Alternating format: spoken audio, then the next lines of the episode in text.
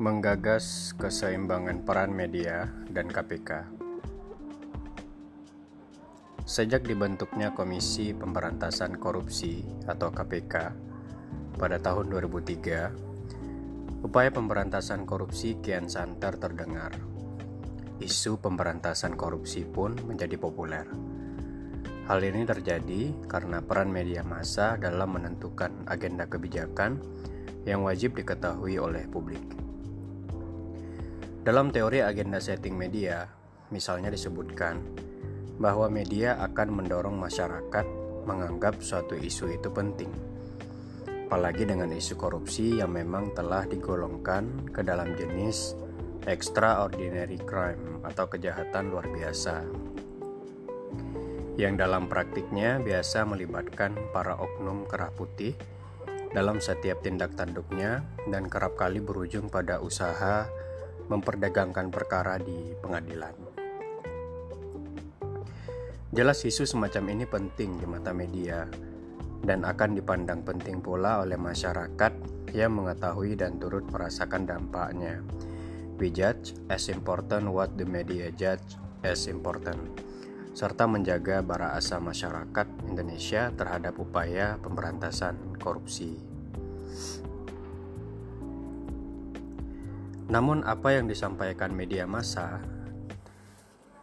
tentunya tetap berpedoman pada kaidah atau kode etik jurnalistik yang berlaku. Terlebih lagi, media wajib memiliki para wartawan yang profesional yang meliput dan memberitakan informasi harus senantiasa sesuai dengan prinsip-prinsip jurnalistik. Dalam pasal 42 Undang-Undang Nomor 32 Tahun 2002 tentang penyiaran misalnya menyebutkan bahwa wartawan penyiaran dalam melaksanakan kegiatan jurnalistik media elektronik tunduk pada kode etik jurnalistik dan peraturan perundang-undangan yang berlaku. Lebih rinci lagi, P3SPS sebagai turunan Undang-Undang Penyiaran dalam hal Code of Ethics menjabarkan bahwa lembaga penyiaran wajib menjunjung tinggi prinsip-prinsip jurnalistik, antara lain akurat, berimbang, adil, tidak berpihak, tidak beriktikat buruk, tidak menghasut dan menyesatkan, tidak mencampur adukan fakta dan opini pribadi, tidak menonjolkan unsur sadistis atau unsur kekerasan dan tidak mempertentangkan suku, agama, ras, dan antar golongan, serta tidak membuat berita bohong, fitnah, dan atau cabul. Menerapkan prinsip praduga tak bersalah dalam peliputan dan atau menyiarkan program siaran jurnalistik dan tidak melakukan penghakiman dan melakukan ralat atas informasi yang tidak akurat. Pasal 22 ayat 2 P3 dan pasal 40 huruf A, B, dan C serta D SPS. Artinya media lewat program siaran jurnalistiknya hanya akan menyampaikan dan merepresentasikan apa yang benar-benar ada dan terjadi di tengah masyarakat. Seperti akurat yang berarti dipercaya benar sesuai dengan keadaan objektif ketika peristiwa tersebut terjadi, serta faktual yang berarti menyajikan fakta non-fiksi. Hal ini juga berkesesuaian dengan 11 poin dalam kode etik jurnalistik. Pemberantasan korupsi dan media massa memang mempunyai kaitan yang erat.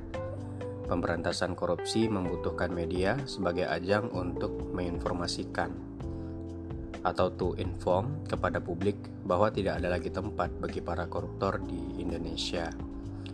Pemberantasan atau pencegahan korupsi juga membutuhkan media sebagai ajang edukasi kepada publik bahwa korupsi adalah kejahatan yang luar biasa dan harus ditinggalkan sejak dini serta dilaporkan apabila terjadi, mulai dari lingkungan di sekitar kita, baik dalam proses pengurusan apa pun, sehingga negara kita lebih mengedepankan kualitas SDM, bukan malah mengedepankan mereka yang lewat jalur tol atau suap menyuap. Hal ini sangat berkesesuaian juga dengan teori model hierarki media Schumacher dan Ries terutama pada level rutinitas media dalam subbab sumber informasi atau supplier of information. Dalam subbab tersebut dijelaskan bahwa sumber berita seperti KPK mendapatkan pencitraan yang baik tentang lembaga atau institusinya dalam rangka memberantas korupsi di Indonesia yang jelas-jelas menghambat pembangunan bangsanya sendiri. Adapun bagi media, isu pemberantasan korupsi memiliki nilai-nilai berita atau news value seperti menonjol, penting, dan menarik, mengandung konflik, serta kontroversi tidak biasa, aktual dan faktual, juga adanya unsur kedekatan atau proximity dengan berbagai sektor kehidupan yang dialami langsung oleh masyarakat Indonesia. Selain itu, isu pemberantasan korupsi juga termasuk ke dalam komodifikasi isi dan komodifikasi khalayak media. Komodifikasi sendiri menurut Vincent Mosco adalah perubahan bentuk nilai guna menjadi uh, nilai tukar lewat program siaran. Uh, nilai tukar tersebut berupa keuntungan secara ekonomi, rating, share, uh, dan peningkatan pendapatan, di mana media seperti penyiaran memproduksi konten siaran untuk mendapatkan uh, pemirsa yang banyak dan kemudian uh, menyerahkannya kepada pengiklan. Walhasil terciptalah hubungan simbiosis mutualisme antara sumber berita dengan media. Sebagaimana kita ketahui, media terkhusus pen media penyiaran memiliki fungsi kontrol atau pengawasan dan perekat sosial sesuai dengan pasal 4 ayat 1 Undang-Undang Penyiaran. Karena memang dalam peraturan penyiaran Isu pemberantasan korupsi menyangkut kepentingan publik, yaitu penggunaan anggaran negara yang menyalah. Padahal anggaran tersebut dibayarkan oleh rakyat melalui mekanisme pajak. Adapun teori komunikasi massa menyebut fungsi ini dengan istilah watchdog atau anjing penjaga atau surveillance ya. Pengawasan dalam upaya mewujudkan transparansi bernegara.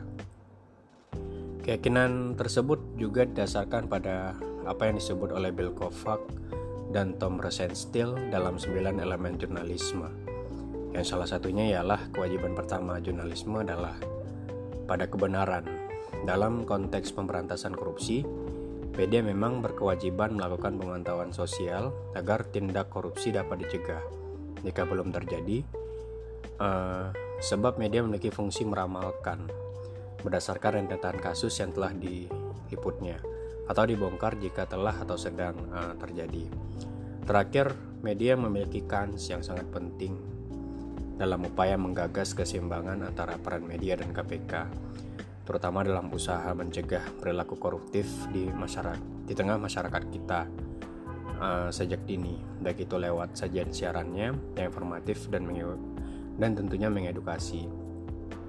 Terlebih dalam teori kultivasi, media uh, memiliki kemampuan untuk menanamkan nilai-nilai tertentu secara jangka panjang yang uh, berlangsung secara sedikit demi sedikit, slowly but steady, bertahap, tidak langsung namun kumulatif dan uh, signifikan. Semoga ke depannya media dapat terus memberikan peran terbaiknya agar partisipasi dan kepedulian publik terhadap isu-isu anti korupsi tak pernah padam. Begitu pula dengan KPK lewat komisioner dan undang-undangnya yang baru, agar tetap memelihara optimisme publik kepercayaan publik terhadap lembaga negara independen ini dalam uh, perang melawan korupsi, kolusi, dan nepotisme di negeri kita tercinta. Amin. Sekian, sampai jumpa lagi di podcast Gubahanka selanjutnya.